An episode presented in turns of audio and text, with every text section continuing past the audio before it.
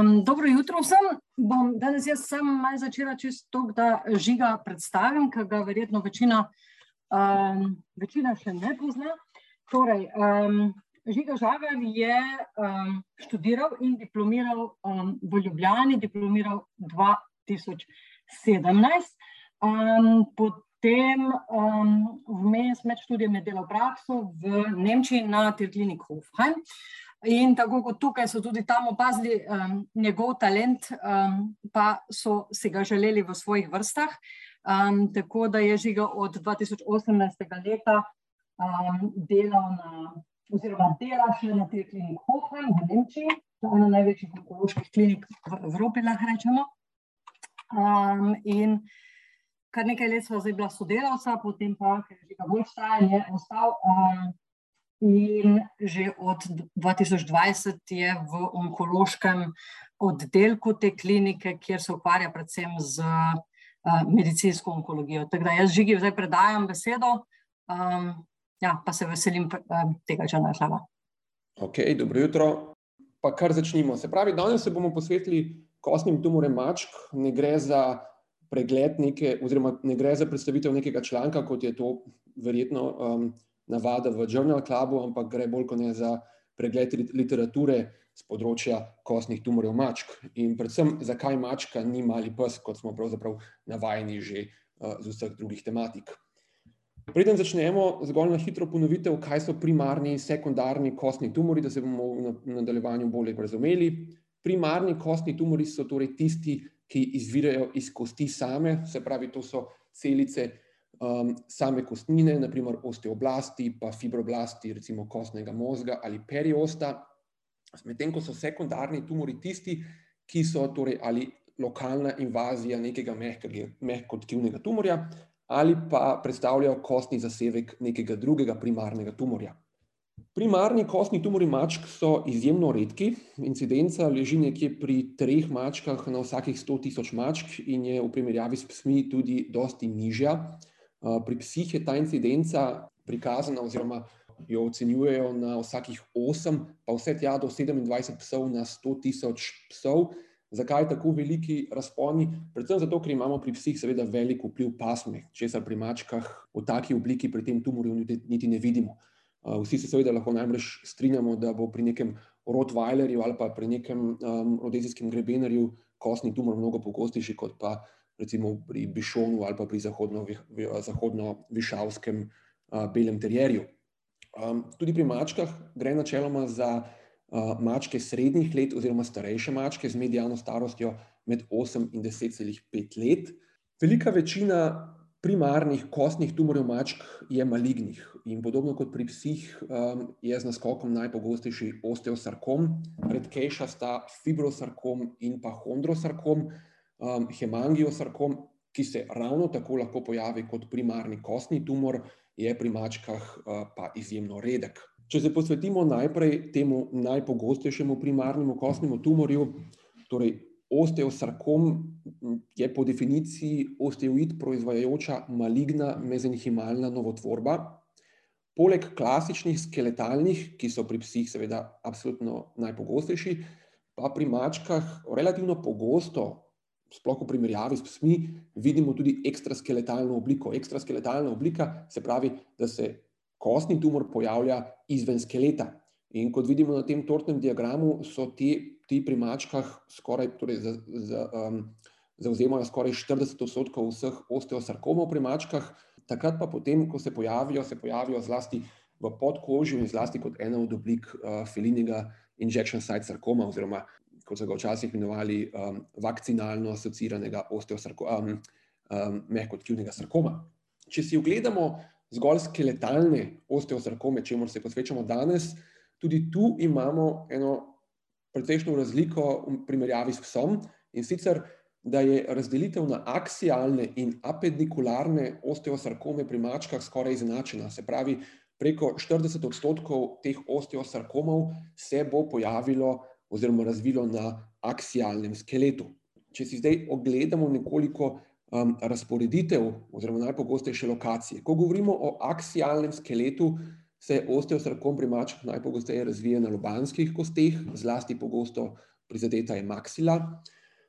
Pri apendikularni lokaciji pa je zadnja okončina približno dvakrat pogosteje prizadeta, pogosteje prizadeta kot sprednja okončina in podobno kot pri psu imamo to klasično lokacijo blizu kolenskega sklepa, torej zlasti distalni femur in pa proksimalna tibija. Biološko obnašanje, tu pridemo do ene od um, najpomembnejših razlik, ki jih uh, vidimo med mačko in psom. In sicer um, zasevki so pri felinem osteosarkomu izjemno redki, kar je seveda v absolutnem nasprotju z, uh, s pasjim osteosarkomom, pri katerem v trenutku, ko postavimo diagnozo, sicer relativno redko dokažemo, oziroma relativno redko vidimo metastaze, vendar pa je dejstvo, da v približno 90 odstotkih primerov pri psu, v času, ko diagnozo postavimo, um, vsaj mikroskopske metastaze uh, že obstajajo.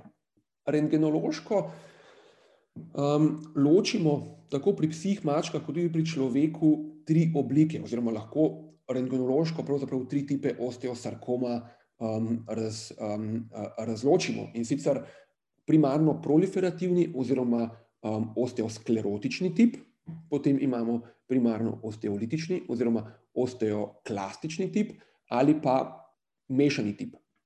Pri človeku in pri psu uh, prevladuje ta mešani tip, medtem ko je pri mačkih um, ta razporeditev zopet nekoliko drugačna. In sicer Zanimivo je to, da se na aksialnem skeletu pri mačkah najpogosteje pojavlja um, primarno proliferativna oblika, uh, medtem ko se na apendikularnem skeletu, torej na okončinah, najpogosteje pojavlja primarno osteolitična oblika. Razloga za to ne poznamo. Um, če si ogledamo obe rentgenski sliki, na desni rentgenski sliki, torej vidimo seveda eno okončino, um, kjer vidimo torej, primarno osteolitično, monoostotično, agresivno lezijo v uh, diafizi leve ulne.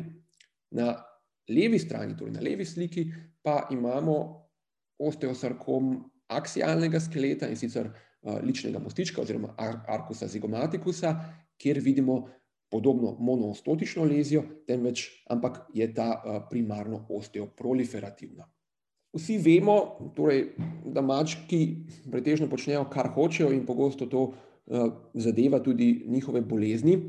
In dejstvo je, da nam to pogosto predstavlja tudi nekoliko težave pri, um, pri diagnostiki teh mačjih bolezni. In tudi osteosarkom pri tem, torej, kot smo že omenili, ni nobena izjema, ker so rentgenološke slike pri mačjih osteosarkomih resnično lahko izjemno raznolike. In sicer tukaj tri oblike, ki so rentgenološko dejansko zelo različne, vendar pa je v vseh treh primerih tudi histološko dokazano šlo za osteosarkom. Torej, levo sliko, levo rentgensko sliko smo že videli na prejšnjem slajdu, v sredini zopet ena primarno osteoproliferativna kostna lezija, um, tokrat v femurju, in pa na desni strani mešana lezija, mešana agresivna kostna lezija distalne ulne, Um, to je oblika, ki jo bomo tudi nekoliko pogosteje videli potem pri psu. V tem primeru uh, bi lahko šlo tudi, seveda, vidimo fizurno linijo, se pravi, gre za uh, patološko frakturo distalne ulne, seveda, um, s pričo osteosarkoma. Tule še en primer, uh, primarno, torej, ja, gre za mešano, vendar za primarno osteoproliferativno, agresivno kostno lezijo, uh, v tem primeru tudi z obsežno mehko tkivno oteklino na uh, skapuli pri tem mačku. Seveda, citologija ni um, tema današnjega uh, Journal Cluba, ampak kljub temu zgolj kot zanimivost.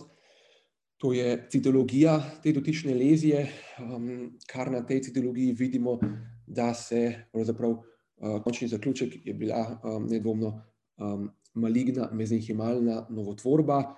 Vidimo z, vsaj zmerno anizocitozo, anizonukleozo, torej različno velike celice z različno velikimi jedri, kar nekaj je dvojedrnih celic, vidimo zelo očitna jedrca, ki so med različnimi celicami tudi različno velika, tudi v citoplazmi vidimo številne vakole, se pravi malo morje malignih kriterijev, in na podlagi te citologije niti ne bi mogli zaključiti, da se gre um, tu za osteosarkom. To je potrdila potem šele histologija in dejansko je šlo za nizko diferencirani osteosarkom, zaradi česar seveda nas citologija ne bo pripeljala do končne morfološke diagnoze. Kar se tiče terapije in prognoze, če se spomnite dejstva, da feline, felini osteosarkomi metastazirajo zgolj redko, nas to pripelje, pripelje tudi do terapije in sicer terapi, terapija zbora bo podobno kot pri psu radikalna resekcija, vendar pa adjuvantna kemoterapija pri mačkah v veliki večini primerov ni indicirana. To je zopet uh, v veliki meri različno, kot je to pri psu, pri katerem je seveda po operaciji um, adjuvantna kemoterapija absolutno indicirana. In ker mači osteosarkomi redko metastazirajo, je resektabilnost oziroma zmožnost konkretne popolne resekcije tudi verjetno najpomembnejši prognostični faktor. Kot vidimo, je prognoza po operaciji apendikularnega osteosarkoma, kar v večini primerov seveda pomeni amputacijo končine, pravzaprav zelo dobra za ta dotični tumor, ker vidimo medijane, medijano preživetje, MST, torej pomeni median survival time, tudi preko 44 mesecev, se pravi nekaj manj kot 4 leta in tudi več. Na drugi strani so aksialni osteosarkomi seveda mnogo teže operabilni, nek osteosarkom vretenca bo seveda le težka operabilen, temu primerno slabše so tudi, slabšo, slabše tudi prognoza in krajše je tudi preživetje, vendar pa je treba povedati, da so um, podatki v literaturi za aksialne osteosarkome mnogo bolj skopi kot za apendikularne in se ta podatek pravzaprav nanaša na eno samo študijo.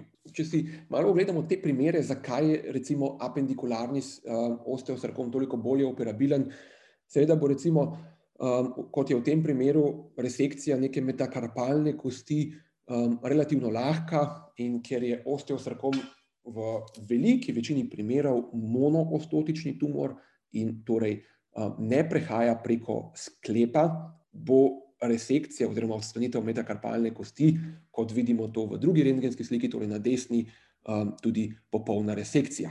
Na drugi strani medalje je potem nek, neka napredovala oblika mandibularnega osteosarkoma, kot vidimo v teh dveh izsekih iz CT-ja, na levi v kostnem oknu in na desni v mehkotkivnem oknu.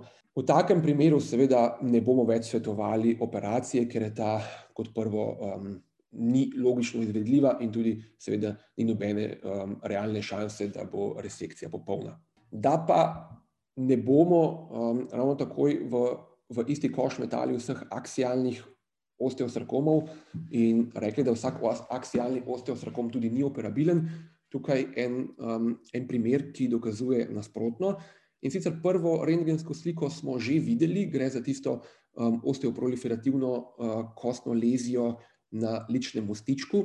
Na drugi, oziroma na drugi zgornji sliki vidimo uh, CT rekonstrukcijo te lezije. Kot vidimo, gre za precej dobro omejeno kostno lezijo, tako da na podlagi rentgenske slike pravzaprav diferencialno diagnostično niti osteoma ne bi mogli izločiti. Na zgornji desni sliki, torej intraoperativna uh, slika, tu smo odstranili um, celotni lični mostiček, in na spodnji levi sliki potem postoperativna CT rekonstrukcija, kjer je maček torej brez ličnega mostička, in na zadnji sliki tudi um, kozmetični izgled tega mačka.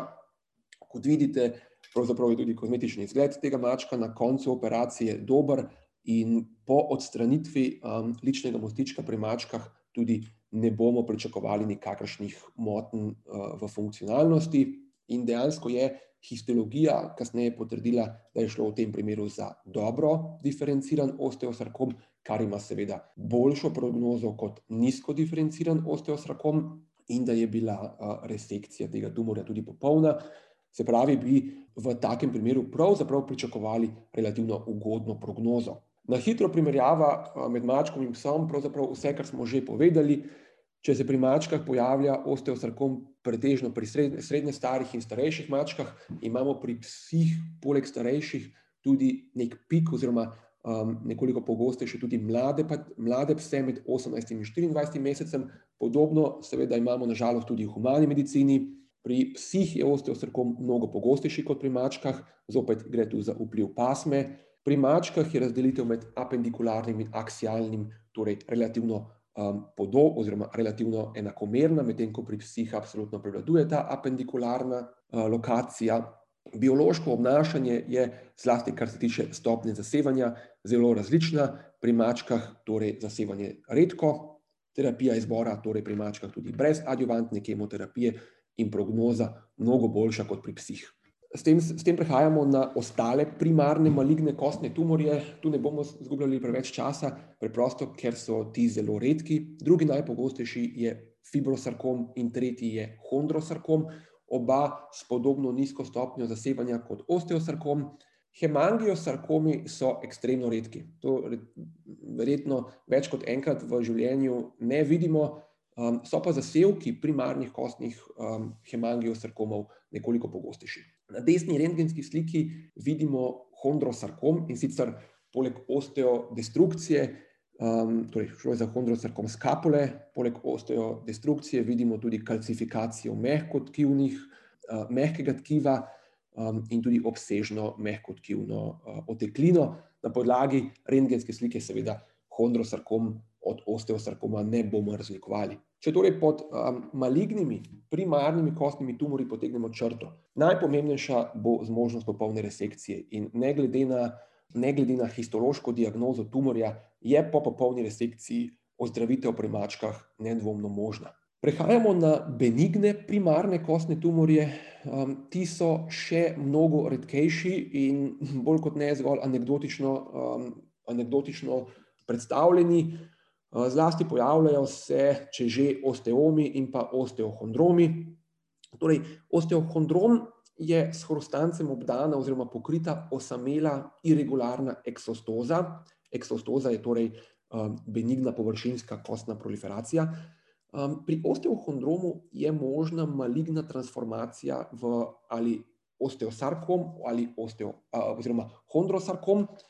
Resekcija je pri osteohondromu lahko kurativna, vendar pa je ta marginalno le redko izvedljiva. Zakaj si pogledamo lahko v naslednjih dveh rentgenskih slikah? Torej, tu primer osteohondroma na distalnem radiusu, torej rentgenološka diagnoza te spremembe bo torej monoostotična, primarno osteoproliferativna, v sredini na desni sliki nekoliko oziroma um, blago osteolitična in zatorej blago agresivna, kostna lezija. Kot vidite, je ta sprememba pravzaprav zlita z okoliškim kostnim tkivom, tako da marginalna resekcija tu niti ne pride v poštev, ampak bo za, za smiselno resekcijo tudi tu potrebna um, amputacija končine. Vendar pa bo seveda pri osteohondromu amputacija končine potem kurativna. Rentgenološko izjemno podobno, oziroma malo da ne enako, izgleda osteohondromatoza. Nažalost, nimam svoje lastne slike, temveč um, je to izsek iz, oziroma izvleček iz literature. Um, osteohondromatoza je preprosto izjemno redka. Kakšna je razlika med osteohondromatozo in osteohondromom? Torej, za razliko od prve je osteohondromatoza torej multicentrična oblika osteohondroma. Pogosto jo v literaturi zasledimo kot MCE, oziroma multiple kartilaginozne eksostoze. Ta primarno prizadeva mlade mačke, za, razlike, za razliko od osteohondroma, in to so FLV inficirane mačke. Zlasti prizadet bo aksialni skelet. In kljub temu, da ima osteohondroma, pravzaprav ena osteohondromatoza, pravzaprav enako ime, kot ga srečujemo tudi pri psih, pa um, je to različna oziroma drugačna bolezen kot, bolezen kot pri psu.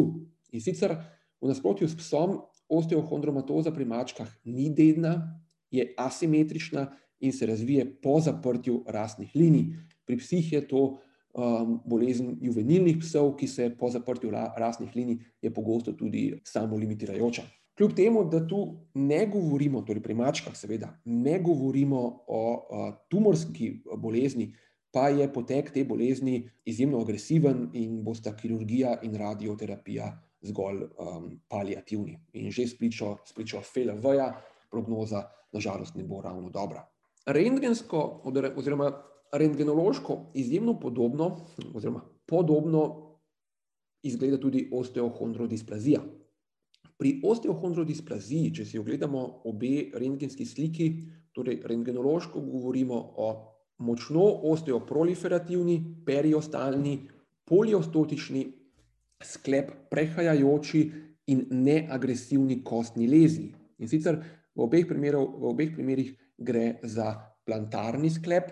Zakaj osteohondromatoza, torej, oziroma osteohondrodisplazija?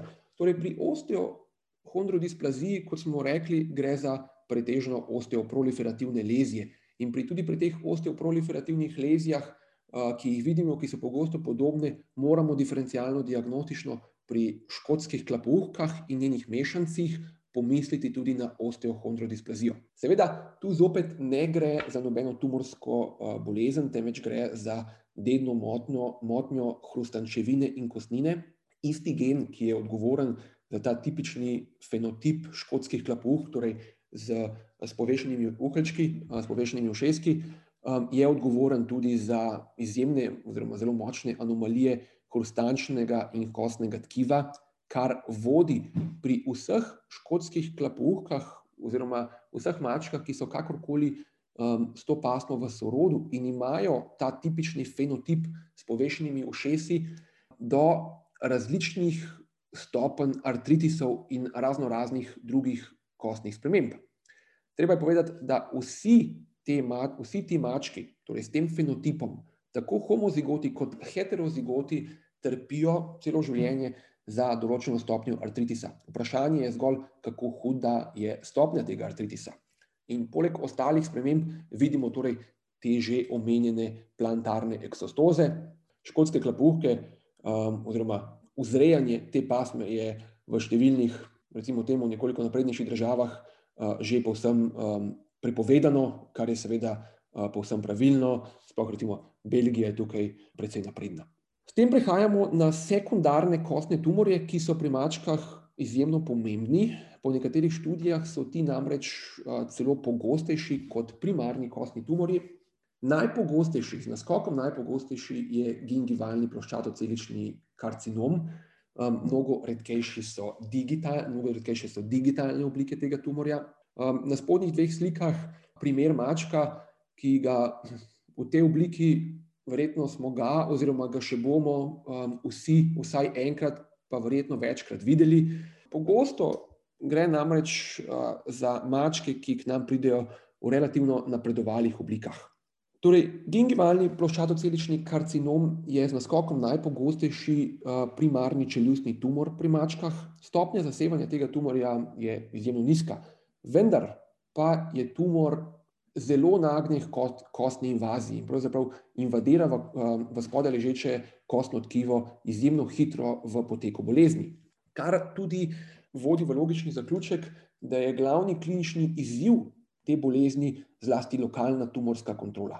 Kot rečeno, na žalost te mačke zelo pogosto vidimo v precej napredovalih oblikah. Zakaj?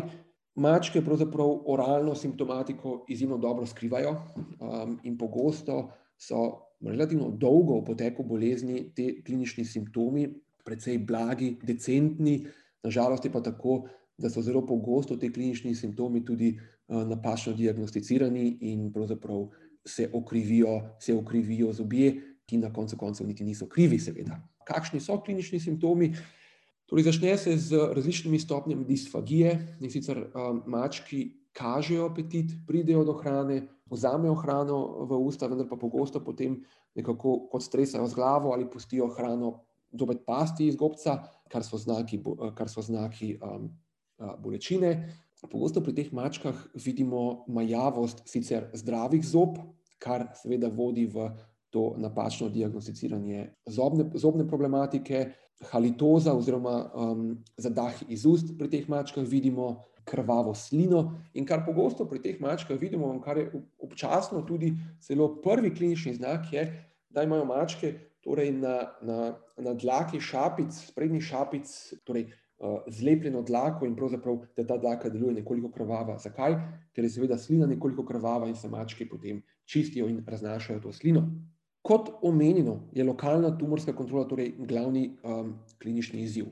Resekcija čeljusti je spričo dejstva, da te mačke pogosto vidimo v relativno napredovalih oblikah in tudi spričo dejstva, da gre pri mačkah za nekoliko manjšo lobanjo kot pri večini psov, je torej resekcija čeljusti nekaj, kar pri večini mačk ne funkcionira. Treba je tudi povedati, da mačke nasplošno tolerirajo resekcije čeljusti mnogo slabše kot psi. Pri psih so tudi velike izdatne hemimandibolektomije, hemimaksilektomije dobro, dobro tolerirane in psi pretežno že po nekaj dneh samostojno jedo. Pri mačkah temu ni tako. Mačke tudi po manjših resekcijah čeljusti pogosto potrebujejo asistirano hranjenje, hranjenje preko tednov, pri nekaterih, pri nekaterih primerih celo doživljenjsko. Torej, resekcija čeljusti pri tem tipu tumorja le redko smiselno možna. Kar se tiče obsevanja, zdaj ploščatocelični karcinom je sicer izjemno radiosenzitiven, kar pomeni, da pride pričo obsevanja zelo hitro do remisij, vendar pa, ker pride do zelo, zelo hitro tudi do repopulacij celic v tem tumorju, vidimo izjemno hitro tudi um, potem nažalost recidive. Kar pomeni, da neodvisno od, um, od obsevalnega protokola, ki ga izberemo, pa naj, za, naj gre za paliativne ali kurativne protokole, naj gre za hipo ali hiperfrakcionirane protokole, kar se tiče tega, je bilo opravljenih kar nekaj študij, vendar pa nekako vsi, vse študije zaključujejo, da je median čas preživetja nekje med tremi in šestimi meseci, kar pomeni, da pravzaprav intenziteta zdravljenja in tudi um, stranski učinki, ki jih, pride, ki jih vidimo pri tej obliki zdravljenja, zdravljenja in podaljšanje življenja, ki ga na konec koncu dosežemo s tem tipom zdravljenja, vodi pravzaprav v to, da v veliki večini primerov obsevanje pri tem tumorju odsvetujemo. Kemoterapija, oziroma bolje rečeno sistemska terapija, edino, kar pravzaprav pride v poštev, je eventualno paladija v kombinaciji z NSAID-om. Tu, um, tu se je pokazalo rahlo izboljšanje časa preživetja, torej z, z 1,5 na 4 mesece uh, pri mačkah brez oziroma z, pala, s paladijo, vendar pa je treba predvsej dobro izbrati primere, v katerih bomo torej svetovali paladijo. Se pravi, seveda, mora iti za mačke, ki nimajo preveč napredovale oblike, kjer dejanje tablet vsak drug dan uh, ne bo povezano s prevelikim matranjem, in seveda mora biti tudi uh, maček nekako primeren za sprejem tablet. Kar se tiče paladija, seveda, paladija tukaj je pod kemoterapijo, vendar pa uh, striktno gledano paladija, seveda ni citostatik, um, temveč gre za inhibitor tirozinske kinaze, torej zdravilo, ki ga primarno sicer uporabljamo v, pri mastocitomih, um, je pa načeloma tako, da um, vsi drugi tumori bolje reagirajo kot pa mastocitom. Kemoterapija v oskem pomenu besede, torej kar se tiče citostatične terapije, pri tem tumorju preprosto ne pride poštev, ker um, ne deluje.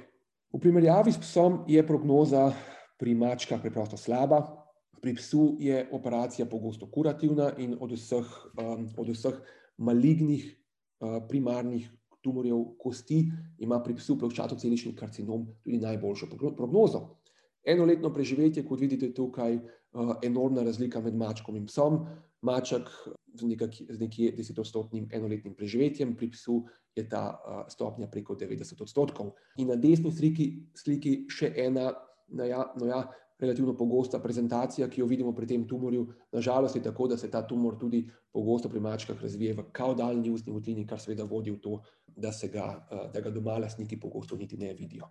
Kako izgleda tak tumor rentgenološko ali uh, CT izseku? V obeh primerih gre seveda za močno napredovalo obliko, na desni dentalni rentgen, kjer vidimo že obsežno osteolizo uh, z rentgensko sliko, obeh strani mandibule in na desni strani potem povsem spremenjeno desno mandibulo na CT sliki. V tem primeru, seveda, ne bomo svetovali niti obsevanja, niti ne bomo svetovali operacije. Osebno, verjetno, ne bi svetoval niti paladije, razen če bi maček bil izjemno fit, kar pa je malo verjetno.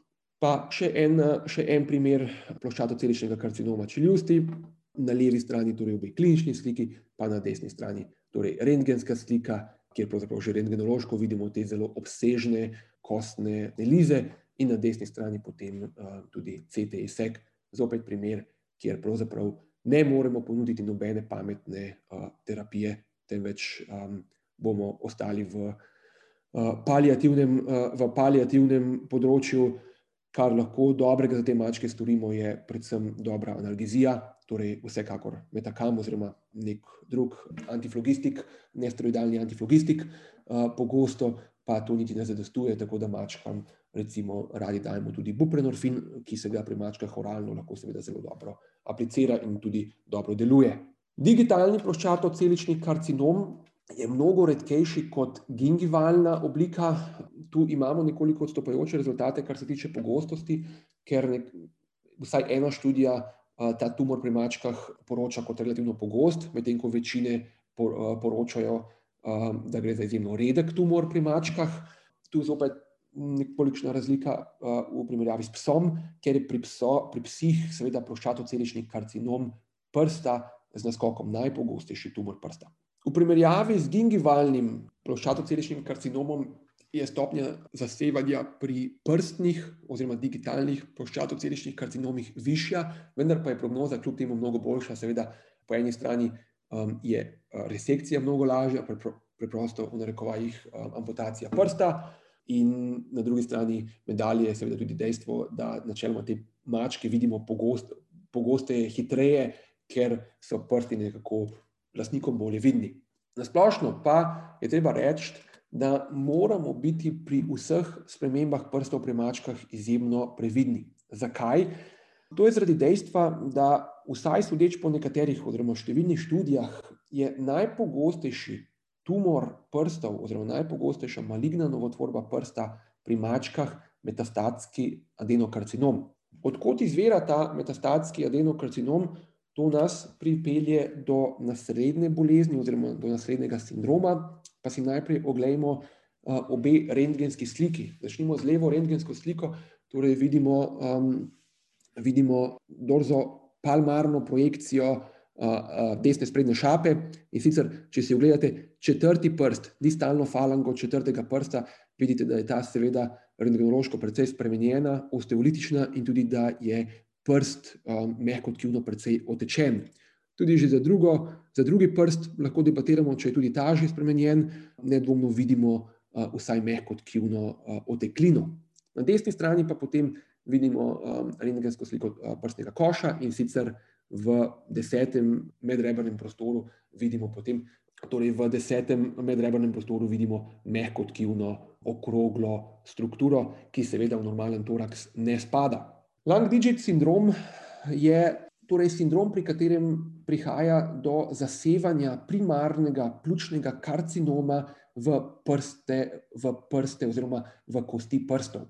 V veliki večini primerov gre za metastaze v distalne falange, včasih celo v sredinske falange. Govorimo torej o tako imenovani akrometastazi. Pogosto so prizadeti multipli prsti pri mačkah ali multipli prsti sočasno ali pa multipli prsti, torej en za drugim, kar je seveda um, še bolj nesramno.